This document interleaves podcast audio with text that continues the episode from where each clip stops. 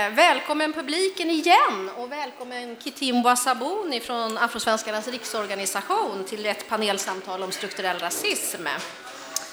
Ja, vi befinner oss i slutspurten av en valrörelse och vi kan konstatera att frågan om rasism är i princip helt frånvarande i den. Istället så har vi ju hört ett antal partier glida i sina formuleringar och det högerpopulistiska SD har i de senaste mätningarna vuxit till att vara Sveriges näst största parti. Och jag tänkte börja där, för eh, vi journalister har ju gjort ett antal bevakningar av partierna nu i valrörelsen och jag begav mig för några veckor sedan till riksdagshuset och träffade Sverigedemokraternas migrationspolitiska talesperson Ludvig Aspling. Och det var en intervju som skulle handla om invandring och integration och mitt under den så bröt han ut med en fas. Strukturell rasism finns inte. Eh, det är, och då, för att citera honom, ett totalt fantasifoster.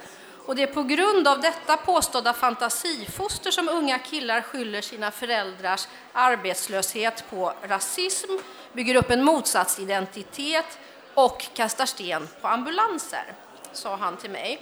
Och det här kommer alltså från en riksdagsledamot och företrädare för Sveriges näst största parti. Hur reagerar du, Kitimbwa? Ja, men tack för frågan. Först måste jag säga att det är en livad publik här. Det sitter en del eh, lite längre bak som eh, eh, är involverade i andra samtal. Så jag hör knappt vad, vad frågorna är. Jag är ju blivit assisterande fotbollstränare för några tioåringar sedan en liten stund tillbaka. Och vi pratar alltid om att man måste vara tysta och vara uppmärksamma om man ska uppfatta någonting. Men jag ska försöka svara på din fråga. Eh, det var en eh, företrädare för Sverigedemokraterna, säger du, som inte trodde att strukturell rasism fanns. Jag skulle säga så här att eh, den här personen kanske alltså säger social mening att det är någonting som, visar, som, som, som är en indikation på hur det kommer gå för dig i ditt liv. Och det är en del av de här eh, strukturerna, alltså de här mönstren som leder fram till det. Och ett sätt att synliggöra det, det är att ta statistik som visar vad händer människor som har en viss hudfärg? Vad händer i deras liv? Vilka ekonomiska förhållanden i vilka sociala förhållanden hamnar de i? Vilka typer av utmaningar utsätts de för? Och sån där statistik kan vara väldigt avslöjande, men det har vi ju inte i Sverige till att börja med. En annan sak vi inte har i Sverige, det är en diskussion om betydelsen av ras eller hudfärg. Vi pratar bara om invandrare och svenskar, underförstått att invandrare är personer som inte är vita, skulle jag säga. Jag tycker att vi har ett kodat prat om ras och rasism i Sverige. Jag läste en jätteintressant artikel av en eh, kolumnist på Aftonbladet Kultur som pratade om att, han skrev att vi, vi har en obehaglig glidning. Han pratade om eh, retoriken i politiken. Och då sa han att eh, en dag så eh, säger Socialdemokraterna någonting om att vi ska ha, inte ha segregation eller någonting, men, men pratar om, jag vet inte vad det var, vi ska dela upp människor i olika områden. En annan dag säger någon att vi ska ADHD-testa alla barn som inte pratar svenska ordentligt. Och någon tredje säger att vi ska ha något REVA där vi ska ta fingeravtryck på människor, vilka som ska vara i det här landet. Och så säger han att effekten av det här diskursen, det här samtalet, är att människor som är svenskfödda ska uppleva att det här landet tillhör oss, vi är bra, och de som inte är svenskfödda ska känna sig som skit och liksom satta på undantag. Så här ligger det till. Jag är inte svenskfödd. Jag har en lillebror som är svenskfödd. Så även den här kulturjournalisten som försökte lägga fram en intressant kritik kan inte prata om kärnan av saken. Och det är hur ras strukturerar Sverige och påverkar hur det politiska samtalet kategoriserar oss och gör oss till värdiga och ovärdiga människor. Så att vi kan inte se strukturell rasism i Sverige, för vi har inte det samtalet. Ungefär så skulle man kunna säga. Så att Ja. Men du nämnde här att det, det, är ju svårt att förklara. För ett sätt att förklara är att visa siffror och statistik. Och, och, eh, vi för ju inte, myndigheterna för ju inte sån statistik. Men jag vet ju att ni i Afrosvenskarnas riksorganisation ändå har gjort lite sånt och till exempel tittat på eh, svarta människors eh, situation på den svenska arbetsmarknaden. Kan du säga någonting om vilka mönster ni ser? Ja, men precis. Det var inte vi, det var ju Länsstyrelsen i Stockholm som beställde en eh, rapport som skulle handla om hur går det för människor i Sverige med olika hudfärg? Kan vi synliggöra det på något sätt? Och grejen är den att på, i stora drag så har man ganska bra sån statistik i Sverige. För att, som ni vet, människor har ju olika hudfärg, rasifieras olika på grund av att vi har olika geografiskt ursprung som gör att vi har olika utseenden och det är någonting vi människor har tillmätt betydelse och sen påverkar det människors liv. Så i Sverige är det i alla fall så att de flesta människor som rasifieras som icke-vita har bakgrund i länder utanför Europa. Kanske för att de själva är födda där, eller deras föräldrar är födda där.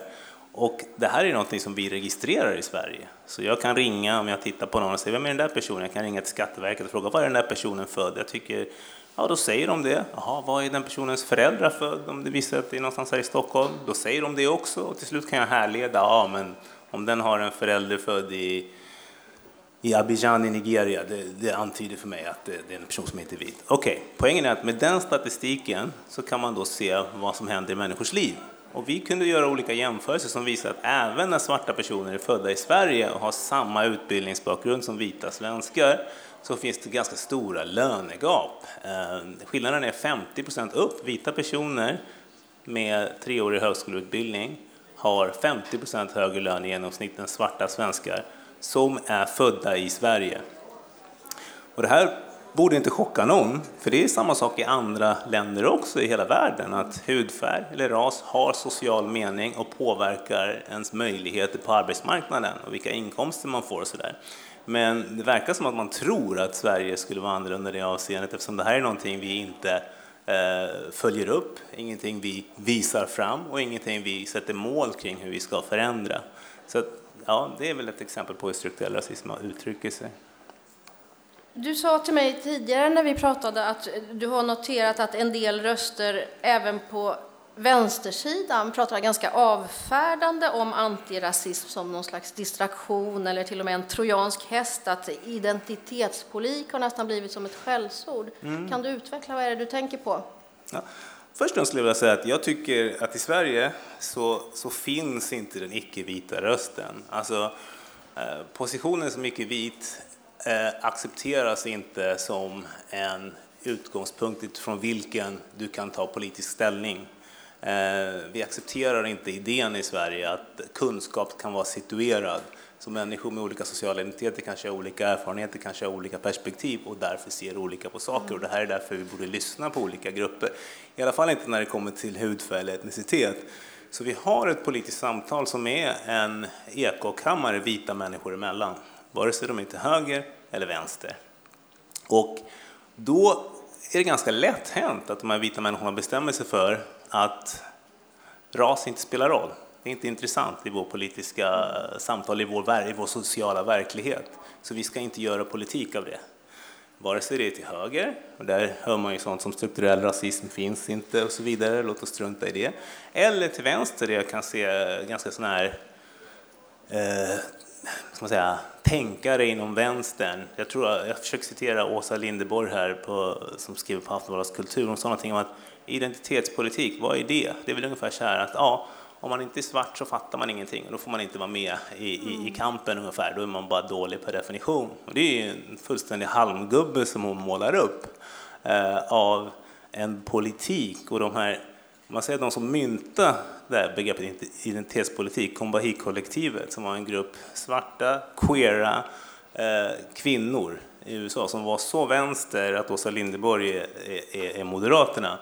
Eh, att hon ska säga att de här eh, har kommit ifrån klassrelationer mellan människor eh, som kan ha uppstått av olika anledningar. I USA och eh, resten av eh, västra halvklotet så är den en produkt av en historia där europeiska bosättarkolonisatörer etablerar stater där svarta afrikaner får komma som förslavad arbetskraft och ursprungsinvånarna de tar man ifrån deras mark och eh, underordnar sig på olika sätt.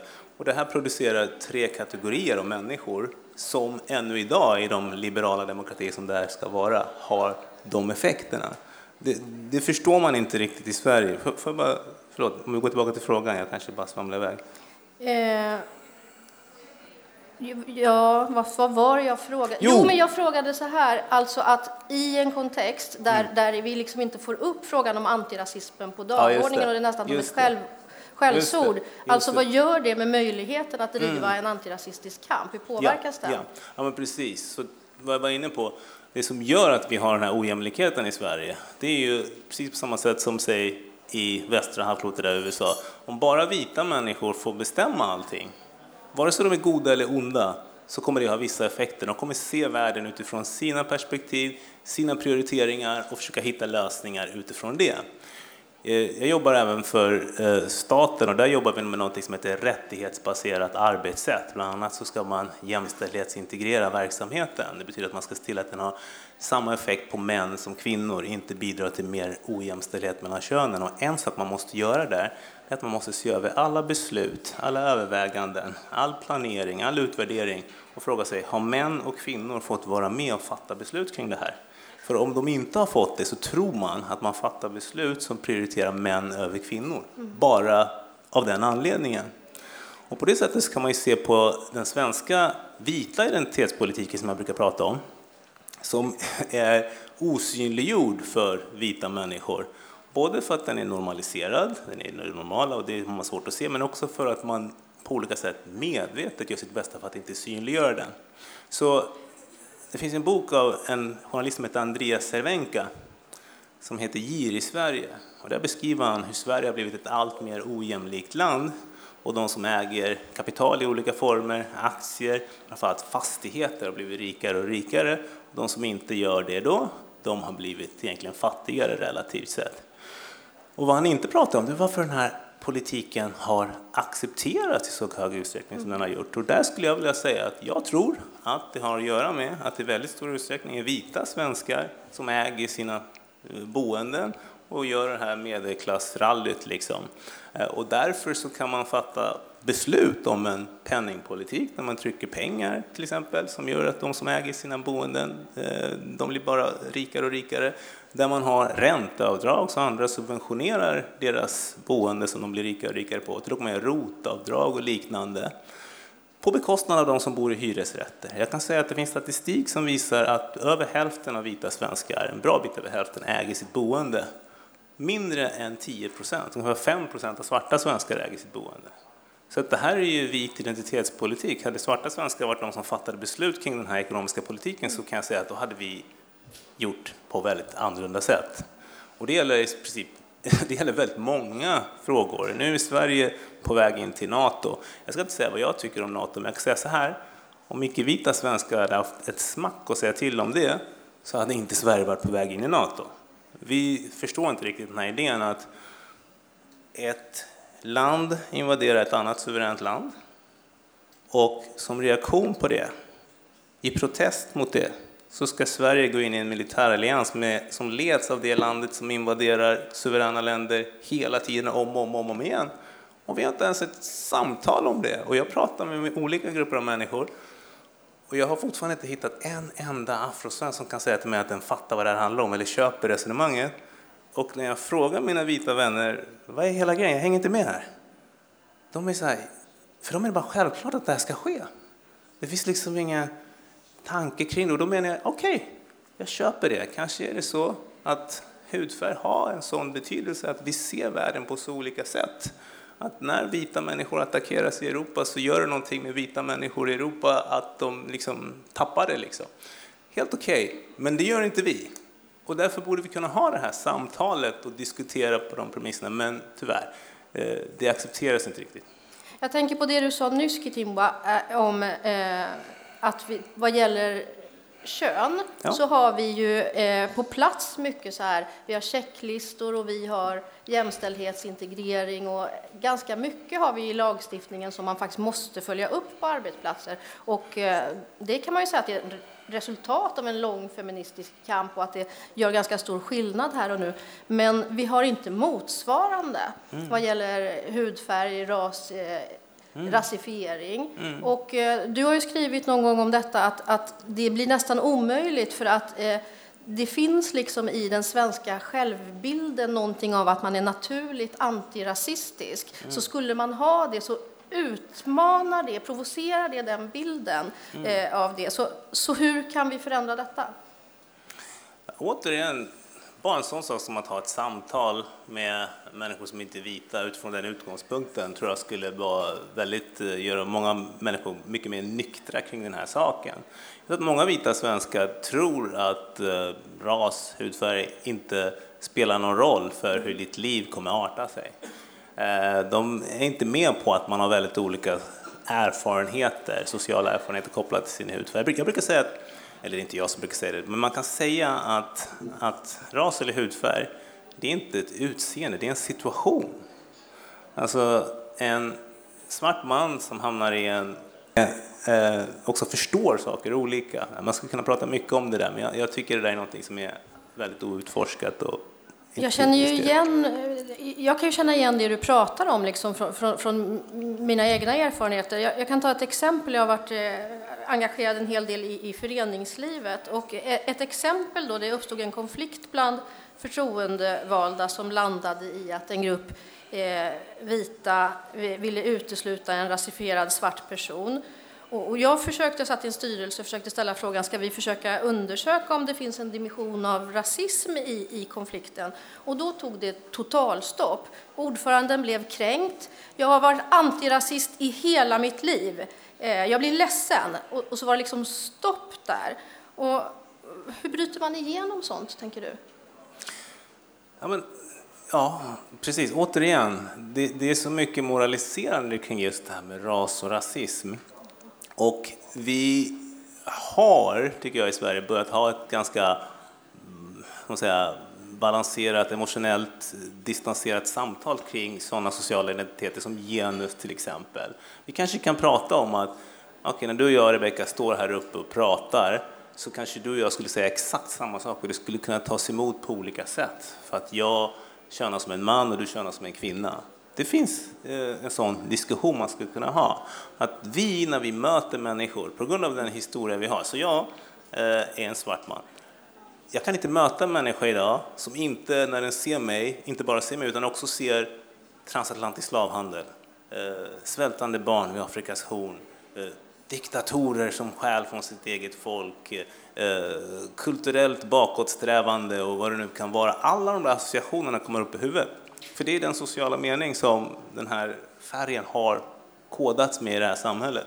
Sen så kan man förstås överkomma det och ändå dela med mig på ett schysst sätt som möjligt. Men att påstå att det där inte finns där, att man är bortom det, den här eh, påstådda färgblindheten, det är det som gör att man inte kan börja prata om de här sakerna. För självklart spelar hudfärg roll. Mm.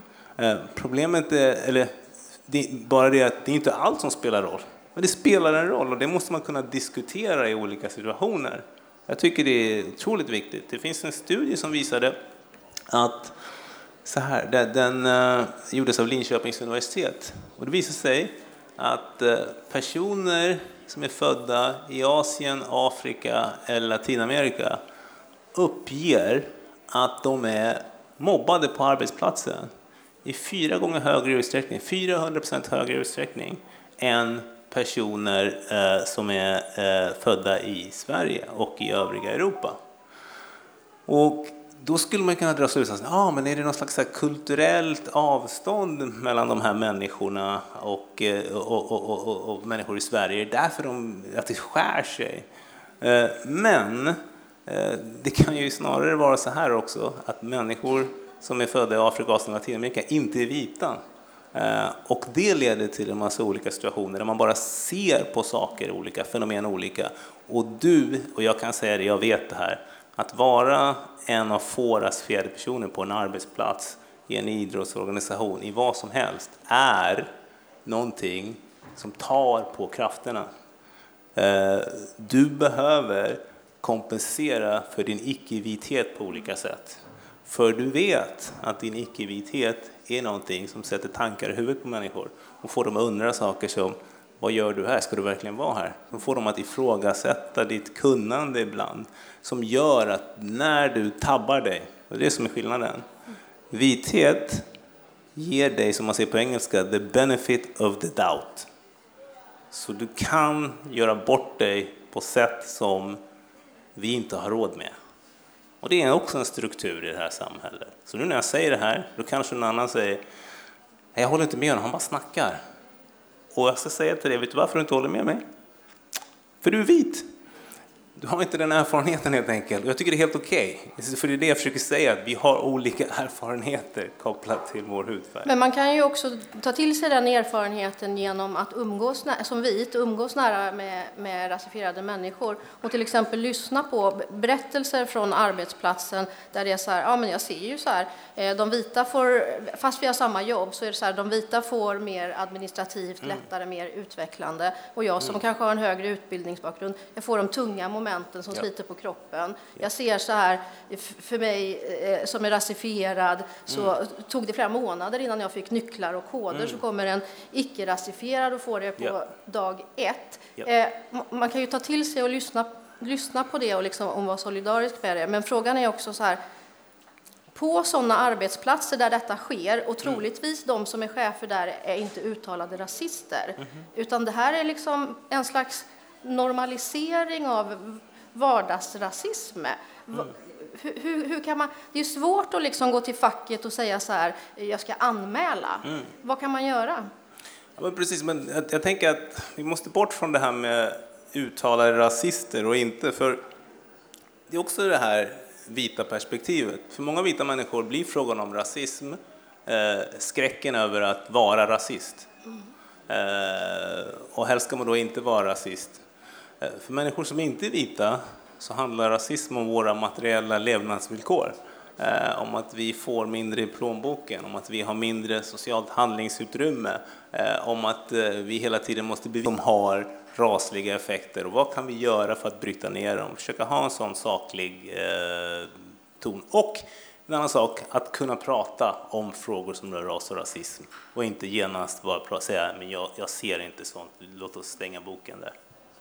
Och det låter vi vara sista ordet och kanske ta med oss också eh, rasismen gäller mig själv. Inse, se sig själv i spegeln. Hur, hur mycket liksom, ideologiskt antirasist jag än må vara så kan jag själv vara en del av att upprätthålla den och våga se sig i spegeln och att det inte, betyder inte att man här, behöver bli kränkt om man, om man själv har... Det är ganska självklart att, att vi alla är en del av eh, den struktur som vi ingår i.